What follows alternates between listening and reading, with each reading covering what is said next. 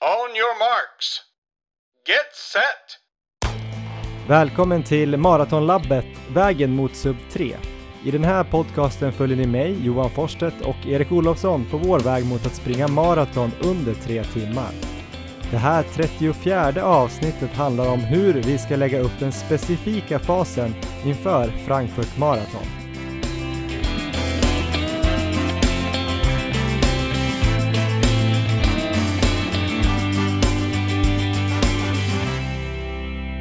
Hej Erik, eh, hur är läget? Tjena Johan, det är toppen här. Um, vi har inte pratat om det här eftersom det blev så speciellt med inspelningen förra veckan och tiden. Det var ju så här att vi sprang stafesten i torsdags kväll och eh, förra avsnittet kom ju i fredag så det hade vi spelat in på onsdagen. Då pratade vi en massa om att vi skulle springa stafesten och som vi gjorde det. Vi vann Erik! vi vann, stämmer. Är inte det fortfarande ganska sjukt? Vi har ju smält det här lite grann, men det är fortfarande ganska knäppt när man tänker på det. Ja, jag tror väl det här är första gången jag någonsin har vunnit ett lopp och kommer vinna ett lopp överhuvudtaget. Ja, så kändes det ju verkligen. Eh, vi, eh, ja, vi vann ju alltså hela torsdagens upplaga av stafetten. Vi kan väl säga för alla de här som ska vara paragrafryttare, vi hade lite sämre tid än de som vann på onsdagen, så där hade vi inte vunnit. Stämmer. Vi hade kommit topp eh, top 8 tror jag. Men torsdagen andra förutsättningar, kanske annan eh, lufttemperatur, fuktighet, vind, man vet inte. Underlaget kanske var lite eh, utslitet från dagen innan, det kanske var lite långsammare och då vann vi. Jag hörde att det var medvind hela vägen där på onsdagen, jag vet inte om det stämmer men det var rykten om det. det medvind och nedför tror jag.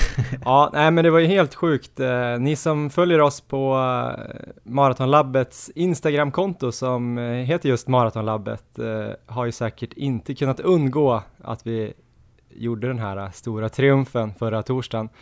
Men för er alla andra så är det kul att höra att vi vann, eller hur? Absolut. Det som hände var i alla fall att eh, vi hade ju lånat in då Camilla Elofsson som springer för Huddinge och eh, Mikaela Larsson, eh, spårvägen, till vårt redan starka lag, Erik Olofsson, Per Wimmerkrans och yours truly, Lars-Johan Forstedt. Uh, och de här uh, två tjejerna sprang ju riktigt bra. Vi kan väl först bara tacka dem än en gång. Jag vet inte hur många gånger vi har tackat dem. men för att de ställde upp och sprang med oss. Det var ju otroligt kul och uh, det hjälpte oss ju verkligen till segern. Verkligen. Så det var ju rätt mäktigt också att det var ett mixed lag som vann på något sätt. Absolut. Jag vet inte riktigt var vi ska börja. Det känns ju som att vi ändå vill prata om det här loppet eh, lite till, även om det har gått en vecka nu när ni lyssnar på det här. Men eh, det var ju mycket spekulationer om vilket lag vi skulle ställa upp med och eh, hur vi skulle formera det, för att jag var ju lite skadad. Ja, precis. Det var ju du Johan som tog ut laget. Du kan väl berätta lite om dina tankar. Vi kanske ska nämna det också att eh, Mikaela kom ju egentligen just tillbaka efter EM här. Det var väl tio dagar efter hon sprang i Berlin. Så hon var ju lite i en sån här uppstartsperiod igen. Och Camilla ska ju springa Berlin Marathon här om tre veckor, så hon var ju också i en riktigt tung träningsperiod. Mm. Så båda hade väl sagt innan att de skulle springa ganska lugnt. Det var väl det vi hade kommit överens om. Um, men hur tänkte då du Johan när du skulle ta ut det här laget? Eh, nej men jag vet inte om jag ska avslöja här hur en, en av världens bästa lagkaptener tänker, men jag kan väl bjussa på det. Eh, första sträckan så blev det ändå, då föll ju valet på, på dig Erik, och det var ju för att jag trodde att första sträckan var 4900 meter och att du inte riktigt har 5000 meter i kroppen. Sant. och, för att det kändes stabilt att du skulle ta hand om pinnen där från början. Ja. Nej, men jag tänkte att du skulle göra en bra, grisigt bra första sträcka bara.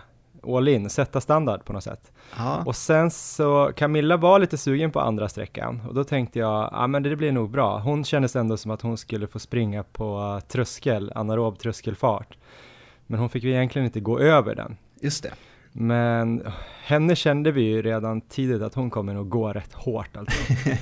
så där var vi inte så jätteoroliga, men hon, hon, gick ju hårt. Sen så var hon själv lite besviken på att inte benen svarade, men det var ju för att hon hade ju sprungit eh, bland annat eh, hon sprang ju midnattsloppet på lördagen och söndagen ett hårt långpass och sen hade hon väl kört några tempopass eller intervaller på tisdagen så att hon var ju riktigt eh, nedtränad. Så det svarade inte riktigt. Till och med dagen innan tror jag hon hade kört intervaller så att det var ju, jag tycker det var jätteimponerande. Ja men det var ett sjukt bra lopp. Sen så satt vi då Per i mitten, där ville vi ha en stabil och snabb rackare.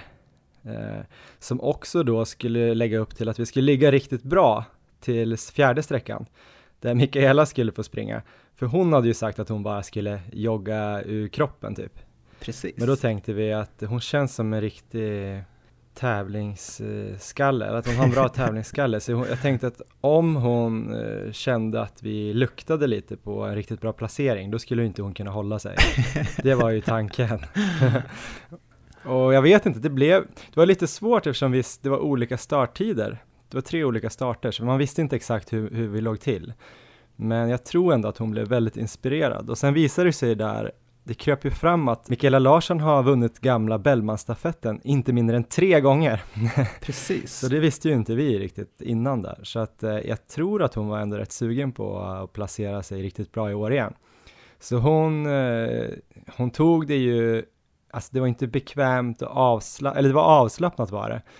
Eh, men hon gick ju typ i mara, eller hon sprang ju typ i marafart, men det var ju ändå runt 18 minuter på fem, så det såg otroligt lätt ut. Ja, det såg så kontrollerat ut, men det gick ju snabbt.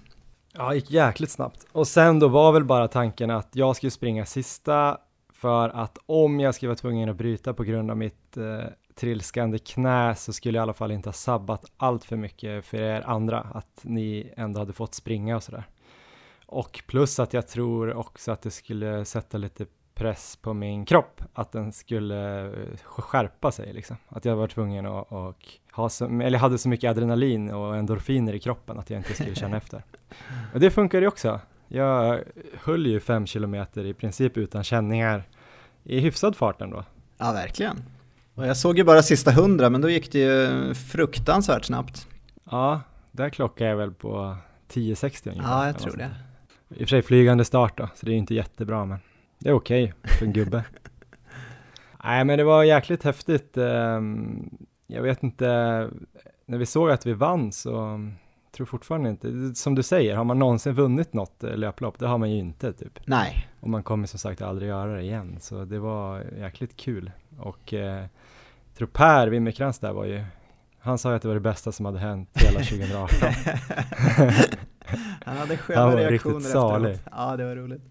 Och så var det kul då att få inte svika Mikaela där, att hon fick sin fjärde seger i loppet. Precis. Men hur kände du då, om vi bara ska gå in lite i detalj på hur det kändes för dig på den här fem kilometer? Ja, precis. Jag började ju, sprang första sträckan och jag var ju definitivt helt överladdad över att få springa i det här fantastiska laget. Så äh, det var lite, lite roligt där innan starten. Jag sprang ju midnattsloppet veckan innan. Och då hade de ett så här barnens midnattslopp som var innan start. Jag gick förbi där när de hade en liten intervju med en kille som skulle ut och springa där. Och då frågade de honom precis innan start, så här, vad, vad har du för taktik här i början av loppet? Jag tror han var åtta år och han mm. svarade i alla fall att jag ska springa så fort jag kan. Och det var precis i princip den taktiken jag körde i början där. Jag sprang så fort jag kunde. Jag var, hade glömt bort all taktik. Så jag bara stack iväg på 3.15 tror jag första kilometern, vilket är lite för snabbt för mig måste jag säga. Men då var det mm. också, mm. i början där så sprang vi ju, vi sprang ju i tredje startgruppen. Så då var, sprang man ju hyfsat fritt. Men efter en kilometer så kom man ju ikapp de andra startgrupperna. Och då vart det ju mycket zigzackande och springa på sidan och sådär. Men, eh, men det funkade bra ändå. Eh, det var ju väldigt så god stämning och eh, otroligt kul att liksom se så många på olika nivåer som tävlar tillsammans. Verkligen. Så att ett väldigt, väldigt roligt lopp och jag fick väl ner tempot lite där så jag låg mellan 3.30 och 3.40 i fart ungefär på den senare delen av loppet. Men eh, för mig gick det jättebra. Jag tror jag hade ett snitt på 3.31 i slutet på min klocka då. Och, men det var tufft. Jag sprang över den anaeroba tröskeln hela vägen i princip. Så det, var, det var en riktigt tuff sträcka men eh, riktigt roligt. Ja, ja, men det var kul. Jag hade något liknande som dig, första kilometer som var lite snabbare än vad man kanske borde testa springa när man inte har sprungit på tio dagar, kan man väl säga. Ja. Jag tror jag hade 3.30 ungefär på första. Så jag tror jag hade 7.10 eller något på två kilometer. Just det. Ehm, Men sen så, jag vet inte om jag kroknade, jo men jag kroknade lite, men sen så tror jag också kände så här, jag måste orka runt. Så, så tredje och fjärde gick jag lite långsammare, men sista var nere mot 3.33 igen, så det var kul att kunna avsluta bra. Jag var lite ledsen där då bara för att ni hade gått därifrån trodde jag, för vi hade ju ett ställe där vi hade hejat på alla Just på det, varje det. sträcka. Och så var jag så jäkla laddad att jag skulle ha mitt bästa steg där. Det var kanske 300-400 meter från målet, så Ja. kom jag runt, jag liksom la all energi på att ta mig bra dit och så skulle jag bara spurta förbi er. Så det är ingen som skrek på mig, så det blev liksom nästan att jag blev lite ledsen. Tills jag fattade då, ja de har ju självklart gått och ställt sig på målrakan. Precis. Vilket de hade, ni hade. Men det var kul att vi vann, kul Ja. att det gick hyfsat bra. Eh, det gick ju, jag är fortfarande lite besviken att jag inte skulle, att jag inte kan, kunde springa under 18 typ. Jag, jag, det är lite fjantigt också för att jag kunde springa överhuvudtaget. Jag landade väl på lite så här, inte exakta tider där, men runt 18-20 kanske. Ja, 18-25. men kommer man ihåg veckan innan här och det avsnittet så tycker jag du ska vara ganska nöjd. Ja, men eh, dagen innan kunde jag inte springa, så att, eh, samma dag efter lunch gick jag ju till slut ut och testade. Ehm, och då sprang jag en 500 i 3.30 fart och då tänkte jag så här, ja men det där ju, kändes helt okej. Ehm, jag testade att köra och det, det gick bra och jag fick inga större reaktioner heller så jag är lite på halvbanan igen. Ja, Ja, men summa summarum som man brukar säga så var det ju en, eller brukar man verkligen säga det? Det vet jag inte om man brukar säga, inte om man är under 68 år, men nu sa jag det. Och, eh, men det var i alla fall en väldigt lyckad kväll. Ehm, och inte bara för vårt lag då som eh, vann, vill jag återigen påminna om, verkligen. utan det var ju även en lyckad eh, kväll här för stafesten som eh, som sta- heter Stafesten för Unicef faktiskt. De samlar in pengar. Och det gick bra Precis. för dem också, eller hur Erik? Ja, de samlade ihop en halv miljon här som kommer gå till världens barn. Oj! Och Det det var ju, jag tror det var 23 000 löpare här som sprang totalt på de här två dagarna. I Stockholm var det, ja just det, det var onsdag, torsdag i Stockholm. Precis.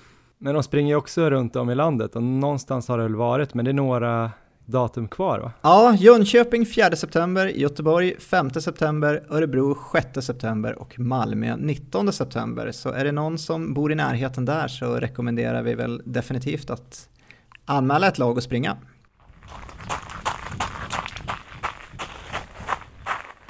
Men eh, sen efter det då Erik, vi kan gå igenom lite kort, så här, har du sprungit något mer eller? Ehm, det har jag gjort. Jag var ute och sprang ett medellångt pass, som vi kallar det, förra helgen. Och då sprang jag 26 kilometer i 4.18 tempo.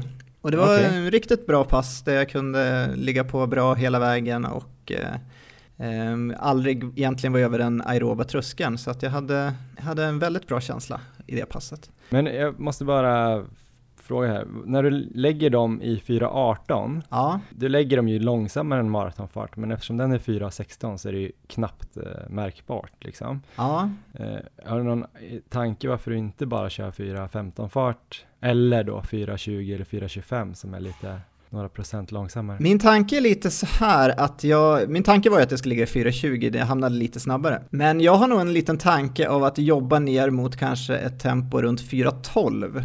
Mellan 4.10 Ja. och 4.12, för att det är ungefär där jag tror att jag kommer försöka lägga mig sen i Frankfurt. Även fast Mm. då ett snitt skulle vara på 4.15. Så eh, någon, någonstans där stå, står jag och funderar nu, men jag tänkte vi skulle diskutera lite mer om det här idag. Just det, vi kommer till det. Precis. Hur har det gått själv efter stafetten och hur har knät hållit ihop?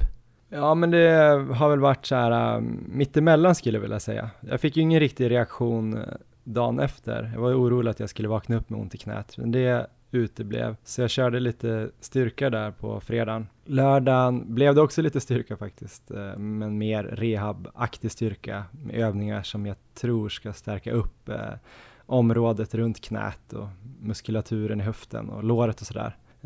Och sen på söndag sprang jag Ja, och då kändes det smärtfritt, men på slutet kanske sista en, två kilometer, jag sprang bara 10-11 kilometer i zon 2. Ja. På slutet där så började jag känna att det liksom kändes lite här och där i knät. Så jag var lite orolig och sen så sprang jag i måndags, eh, då, då körde jag lite marafart men inte så långt, fyra gånger två kilometer i marafart med 500 meter joggvila. Men så, det, hade liksom lite problem, men jag kände lite under det där passet så kändes det lite så här att jag kanske ändrade lite mindset att nu får det liksom vara sådär.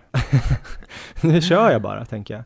Det får bära eller brista. Jag, jag orkar liksom inte vila något mer. Eller göra.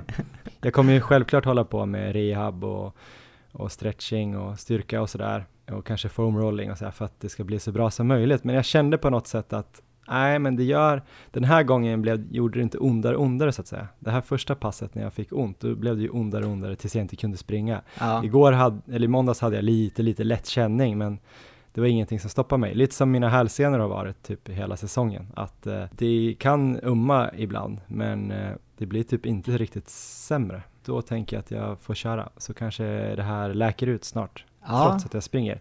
Men den här veckan är fortfarande en lugn vecka där jag kommer göra det jag ska göra sen. Jag gör ungefär samma saker fast mycket lägre volym på varje pass. Och, ja. och vi kommer ju komma in på det här alldeles strax för vi ska ju prata om den specifika fasen. Men, Precis. Och då kanske ni förstår mer, men jag vill ha liksom samma element fast i kortare form den här veckan. Och sen om jag håller kan jag trycka på sen. ja. On your marks. Get set.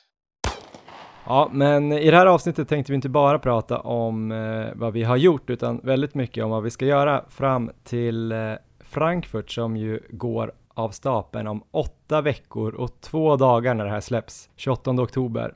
Vi har ingen intervju idag utan vi kommer prata ganska mycket om den här specifika fasen som vi ska gå in i nu. Du och jag kommer diskutera Erik Ja. och eh, prata lite om det vi har lärt oss under den här resans gång och lite saker som vi har läst. Vi kommer väl referera ganska mycket till, till kunskaper som vi har fått av Christian Munt som vi intervjuade i avsnitt 24. Eh, Så det kan ni gå in och lyssna på om ni vill ha det här lite mer från en expert. Eh, Där pratar han om maratonträning generellt, men även om liksom vad man ska lägga i grundfasen och vad man ska lägga i den specifika fasen. Vi har väl också liksom fått inspiration av andra avsnitt tidigare i början, tror jag vi hade något om träningsplanering. Ja. Sen har vi pratat med han Maramackan, Marcus Nilsson, och jag har ju läst en hel del och tagit en del från hans bok eh, Löpträning mitt i livet. Och jag skulle väl säga att min ringa bedömning är att eh, coach Munt och Maramackans eh, huvudprinciper är ganska lika. Och du har säkert också lyssnat på massa poddar och läst otal hemsidor eller bloggar och allt möjligt under det här året. Absolut. Så jag vet inte hur vi ska börja riktigt. Jag tänkte så här, alla poddlyssnare, att vi ska börja med att bara sammanfatta lite vad vi tänker med den specifika fasen och eh, vad man bör göra i den. Um, vi vet ju att det är många av er som tränar på Berlin och det kommer bara vara två veckor kvar när vi, det här släpps och så är det några som kör Valencia och det är i början av december. Så att, eh, och några kör väl Frankfurt hoppas jag med oss och eh, så jag hoppas att alla kan få lära sig lite grann för vi kommer prata lite om tapering också sista två veckorna. Men vad ska man säga om den specifika fasen då Erik? Eh, det är ju då oftast runt åtta veckor brukar man väl säga sådär. Ja, precis. Det var ju den rekommendationen vi fick här när vi hade 19 veckor kvar och pratade med Christian. Och den specifika fasen är egentligen en mellanmjölksperiod skulle man kunna säga. Ja, exakt. Den perioden på året där man faktiskt ska, i alla fall som maratonlöpare, gå in i de här äh, mellanzonerna som man ibland får rådet att undvika. Många säger att man kanske antingen ska ligga i zon 2 eller lägre, eller vara uppe i zon 5 och köra väldigt polariserat. Att det ska ge den bästa effekten på lång sikt. Att man ska ha mycket volym, men även köra riktigt jävla hårt när man kör hårt. Ja, Men den specifika fasen för maraton, det innebär ju att man ska bli väldigt effektiv, eh, energieffektiv egentligen i sin tänkta maratonfart. Så när vi skickade ett mail här till eh, Christian Munt bara för att dubbelkolla några saker så skrev han eh, citat den specifika fasen handlar om maratonfart, maratonfart och maratonfart. Så egentligen är det att man eh, ska försöka hålla uppe den här volymen som man har byggt upp till i den grund, grundfasen och sen men gå över och köra väldigt mycket i marafart helt enkelt. bara för att hitta den, det tempot och liksom lära kroppen spara på glykogen och bli energieffektiv. Så skillnaden egentligen är att kanske grundfasen, där bygger man upp till en viss volym som man vill ha och långpassen är, eh, de kan vara långa och i terräng, de behöver inte vara så snabba. Man kör kanske lite mer eh, snabba intervallpass och eh, Munt gav ju också oss rådet att börja bygga upp det här mellanhårda passet. Precis. Som vi kanske skulle ligga kanske i 90-95% av marafart upp mot eh, två och en halv timme. Hur har det gått för dig Johan? Har du, du har ju varit skadad nu så du kanske inte har hunnit med det så mycket eller? Nej men vi kanske ska börja där lite grann. Ja. Vad han gav oss för råd om grundfasen och vad vi har gjort. Ja. Och vi ber om ursäkt här nu om det här blir rörigt, men jag hoppas att ni hänger med och att ni tycker att någonting är intressant. Men jag har faktiskt skrivit upp här, för jag lyssnade på intervjun. Det är ganska intressant att kolla, för den gjorde vi ju, då var det 19 veckor kvar, Ja. när jag gjorde själva intervjun.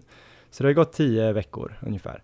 Och han sa att jag skulle komma upp i fler veckor runt 80 kilometer, försöka hamna på en ganska standard, att min standardvecka var 80 kilometer. Ja. Om vi börjar där så känner jag att det kommer jag upp i, i mitten, och sen har det dalat med skadan. Så där är liksom inte riktigt check på den. ja. Långpass runt tre timmar, gärna terräng för att stärka senor och leder. Ja. Ja, där fick jag ju de här fjällpassen framför allt, Just det. som var över, över tre timmar och i terräng. Så ja, jag har gjort några sådana, men jag skulle gärna ha gjort några till här på slutet. Eh, den här fundamentala tempopasset, eller vad man säger, eh, mellantempot, alltså runt 90-95% av maratonfart upp mot 150 minuter. Eh, 150 minuter i våra, om man ska springa 4.30 fart, har jag räknat att det blir ungefär 33 kilometer. Ja. Jag har gjort ett, eh, vill jag minnas, som är 26 kilometer. Eller var det 23? Nu blev jag osäker. Vet inte. Vi säger 23 då, 24, så att jag inte ljuger. Eh, så det hade jag ju hoppats. Tanken var ju att göra ett till på runt 28 och sen ett eh, runt 32-33 Ja. innan jag gick in i den specifika fasen. Just det. Så där har jag ju misslyckats, eller min kropp har misslyckats. För jag har inte kunnat gjort det passet nu med knät. Ja. Och sen så var det en grej till och det var det här eh, som han kallade för aerob power. Att man eh, hittar en riktigt, eller man bygger en riktigt stark motor. Lite så här, eh, inte s- VO2 max kanske, men upp i farter runt tröskel. Precis. Och bygga mängd där så att istället för att köra det här vanliga kanske 8 gånger 1000 eller 10 gånger 1000 så skulle man gå upp mot 15 gånger 1000 i någonstans mellan milfart och eh, eh, halvmarafart, Precis. vilket är tröskel för oss. Så eh, där har jag varit uppe i 10 gånger 1000 med 60 sekunders vila. Nu har han sagt att man kan köra de där med 90 sekunders vila, så där har jag väl också misslyckats egentligen. Det är väl, du får väl se det som att det är väl skadorna som har gjort att du har misslyckats med många av de här. Annars så var du väl på rätt spår. Ja, men så jag är inte riktigt där än. Men eh, hur känns det för dig då? Du känns ju som att när du har gjort många, du har väl ändå gjort många av de här passen och klarat av dem. Du har framförallt gjort mycket långpass, Ja, men inte riktigt så många upp i tre timmar, eller har du det? jo, men det har jag nog varit nära på ganska många. Eh, Så jag har nog ganska många sådana pass och jag har lagt mycket fokus på just det här medellånga passet, fundamentalt tempo, eh, där jag började på 20 kilometer. Och eh, då var det väl tanken kanske att man skulle hamna i 4.30. Jag hamnade ju 4.20 på de där redan från början. Så att det är någonstans Mm. där jag har legat kvar också. Men då har jag ökat på det sakta, så från 20 upp till 22, 24, 26 senast. Och nu till helgen så ska jag springa 28 kilometer i 4.20.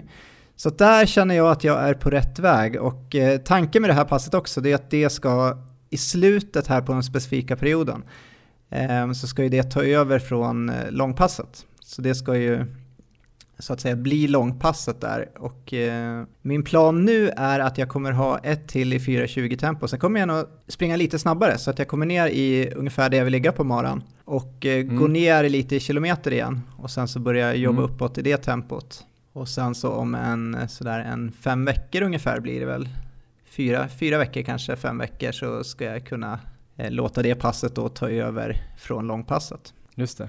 Ehm, ja, men det, där tänker jag nog att jag ska göra lite samma, i alla fall ha något sånt pass där jag går upp mot 33-35 kilometer i 4.30 fart, Ja, men att jag lägger in eh, kanske 2,5-3 kilometer innan och efter som typ upp, uppjogg och nedjogg, liksom uppvärmning, nedjoggning. Precis. Så det blir 5-6 kilometer och sen kanske i 4.30 fart kan man ligga 35. Då får man ändå 40 och det var ju ett pass som även Malin Starfelt hade gjort Just det. i sin maraträning att hon gjorde väl 35 kilometer i 90 procent. Ja, Men det blir lite konstigt med procenten eh, ju långsammare man är. Det blir lite för stor skillnad har många sagt. Så att där kanske för 4.30 för oss är ju 94 procent kanske av marafart. Men det kanske blir för långsamt med 90 procent. ja precis.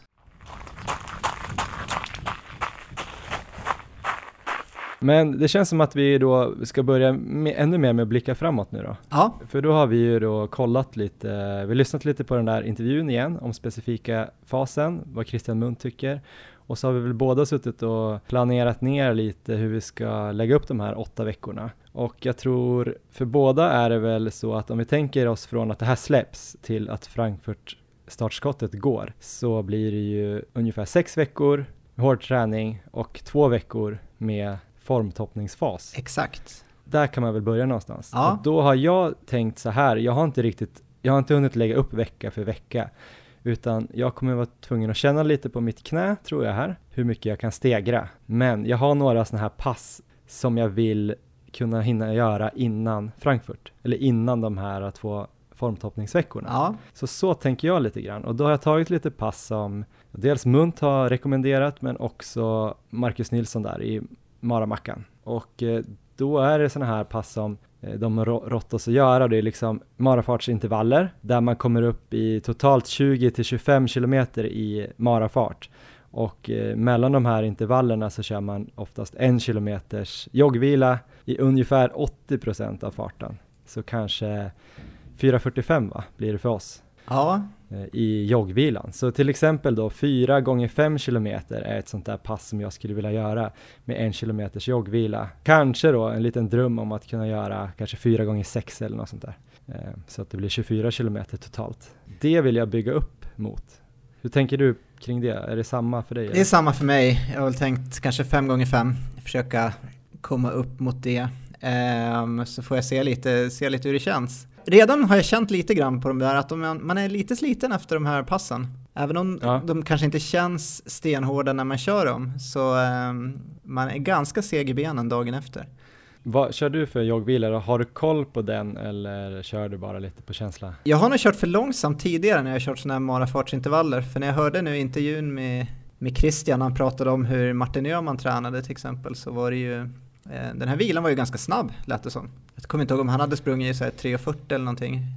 Även om han springer på fantastiska nivåer så är det ju fortfarande väldigt snabbt tempo att vila i. Ja, jag tror han tränade då för att göra en mara i 3.22 fart, Ja. så man har något att jämföra med, så det är 18 sekunder snabbare.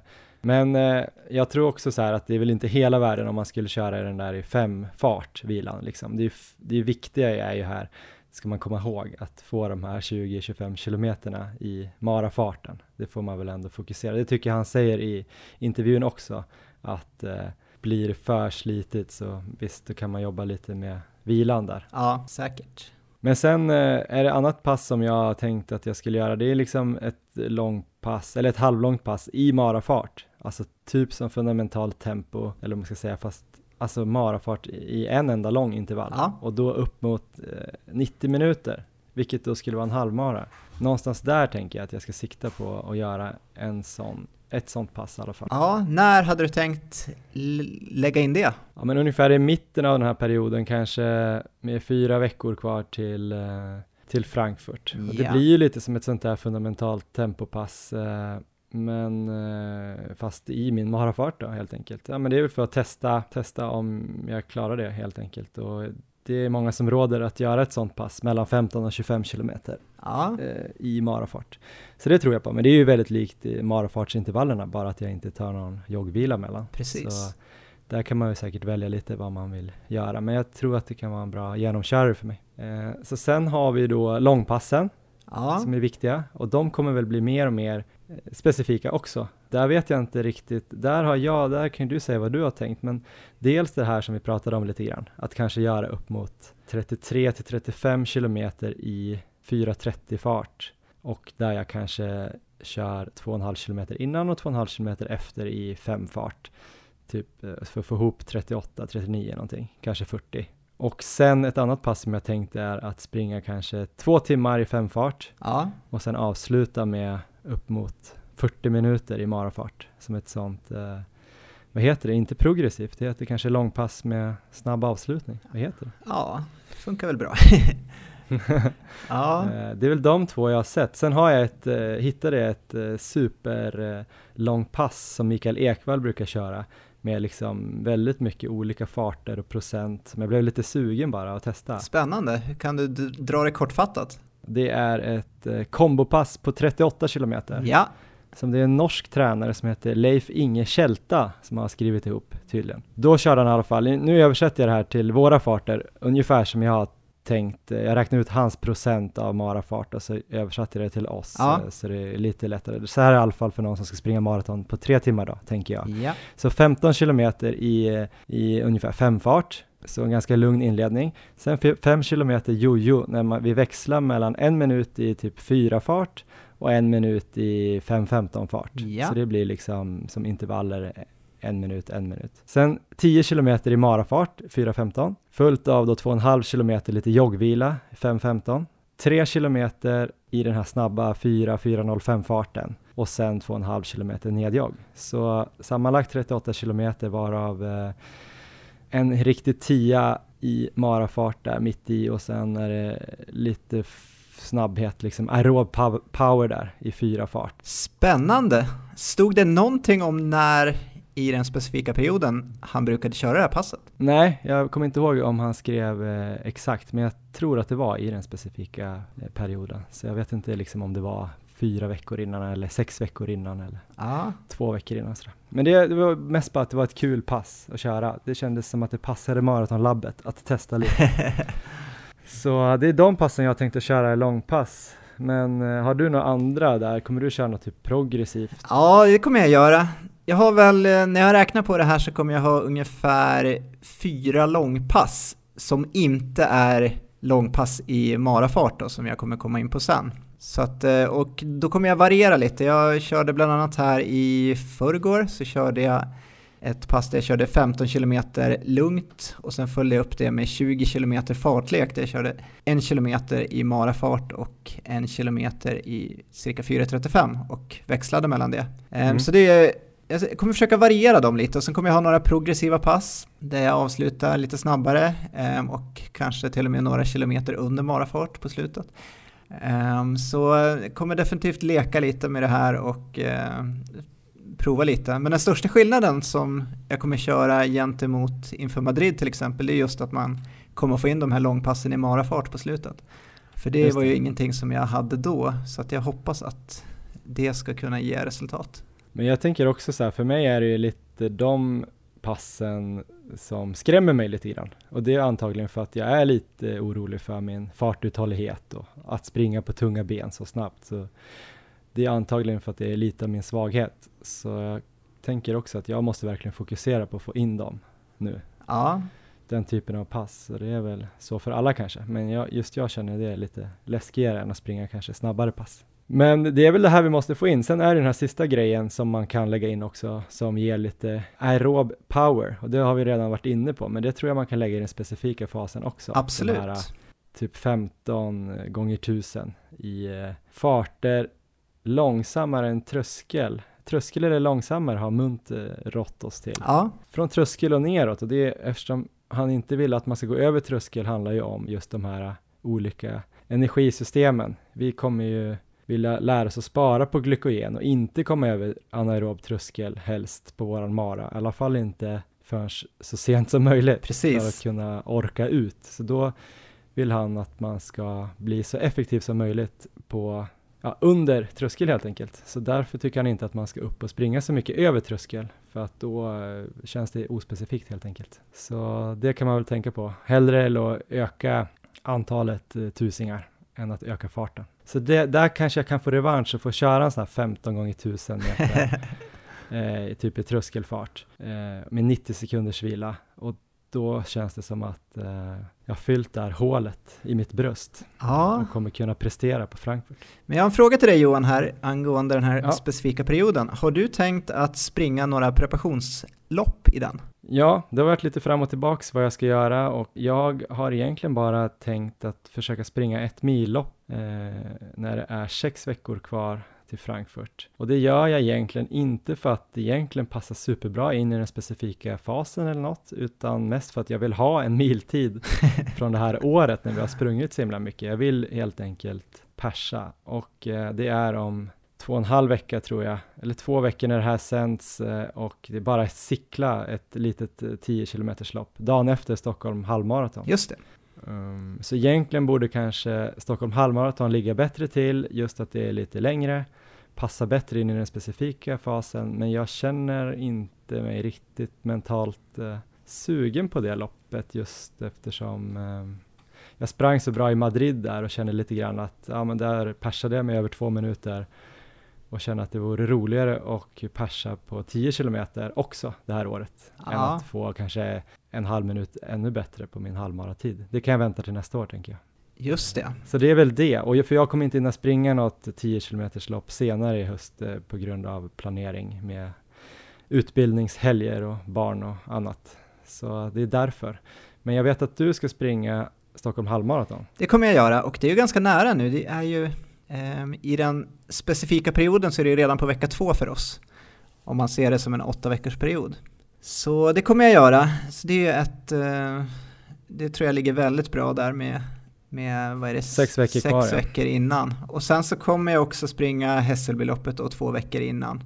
Och det är ju intressant, för det var ju lite sånt här lopp som eh, då, nu refererar vi mycket till Christian Munt, men det är för att vi tycker att han verkar så smart. Absolut. Eh, och tränar så mycket bra löpare och haft bra framgångar här på slutet. Men han pratar ju lite om att ett 10 km lopp i den specifika perioden, speciellt så nära, inte är något han skulle ha prioriterat, utan han skulle hellre lagt in ett eh, specifikt bra långpass där. Ja, Men samtidigt så säger han väl eh, ungefär som att ja, tar inte för mycket fokus och eh, man inte eh, liksom drar ner på träningen för mycket innan och efter så det är klart man kan springa. Men det är väl samma där, att det attraherar det här andra energisystemet lite grann och ligga över tröskel så tycker han att det inte känns specifikt. ja, Eh, typ så.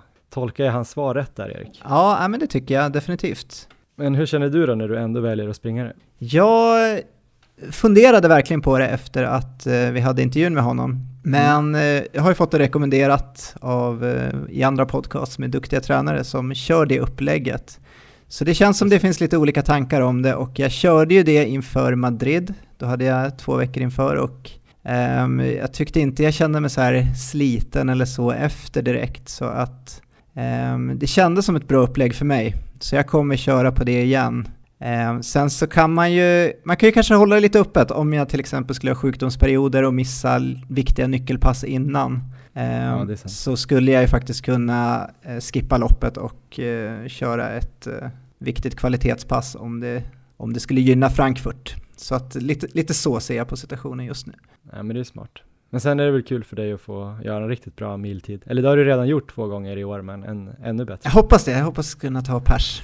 Det är väl så vi ser på det. Sen kan vi väl gå in lite snabbt där på formtoppningen. Det Ja. kommer vi garanterat göra i något eh, senare avsnitt också.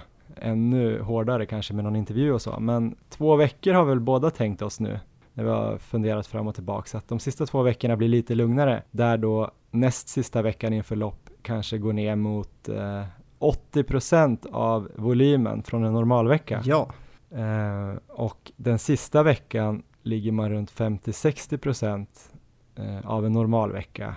Men då räknar man väl bort såklart eh, själva maratonloppet. precis. Eh, men då kan man väl säga också sista hårda långpasset kanske tre veckor innan. Ja, Det där kan tydligen variera lite från person till person vad man gillar. Men jag tänker mig kanske köra tre veckor innan. det kommer jag också göra. Och sen eh, blir det ett lite lugnare långpass med två veckor kvar, runt bara kanske 15 kilometer, Ja, alltså veckan innan. Christian rekommenderar väl ungefär en vecka innan att man kör eh, ungefär 80 minuter. Ett långpass. Så, eh, men då är det väl lite lugnare.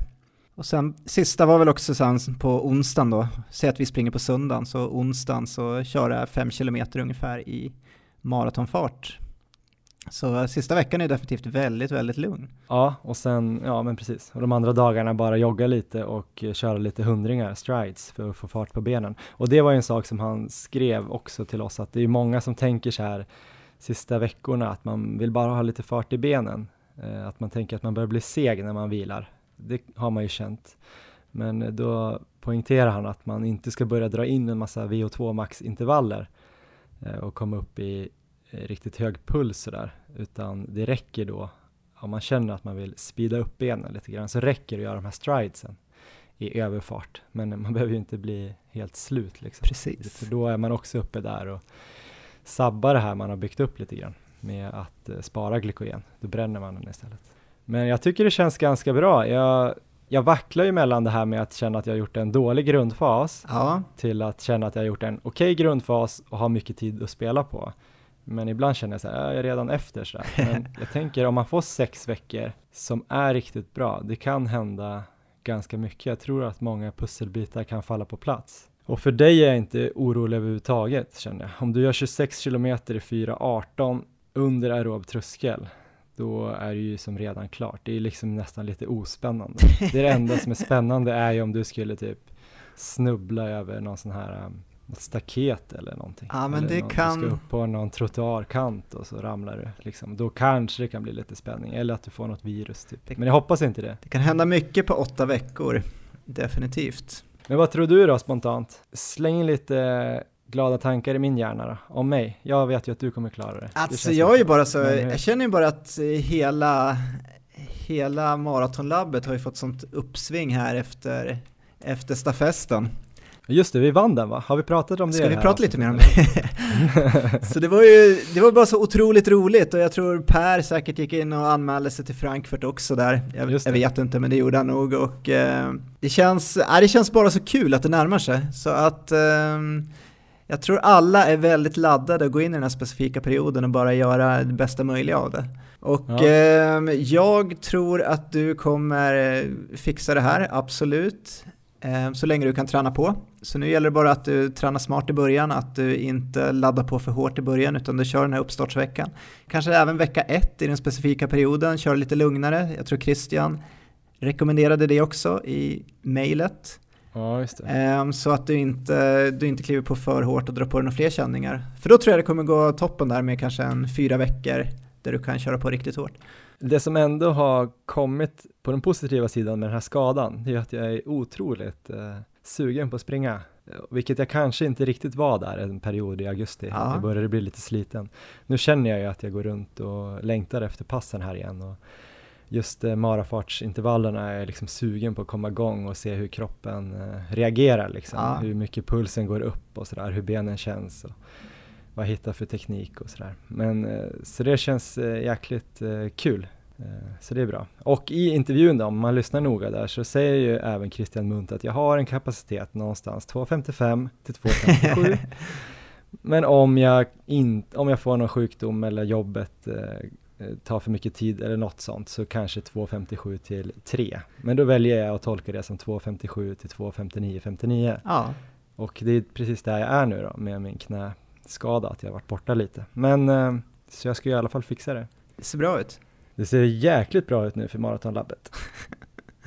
Vi rider på den här vågen nu Erik. Det gör vi. Eh, se till att vinna några fler lopp till nästa vecka så kan vi prata om det. Nästa vecka kanske blir en eh, bebis special. Vi får se vad som händer. Eh, tills dess, ha det bra Erik. Ha det bra!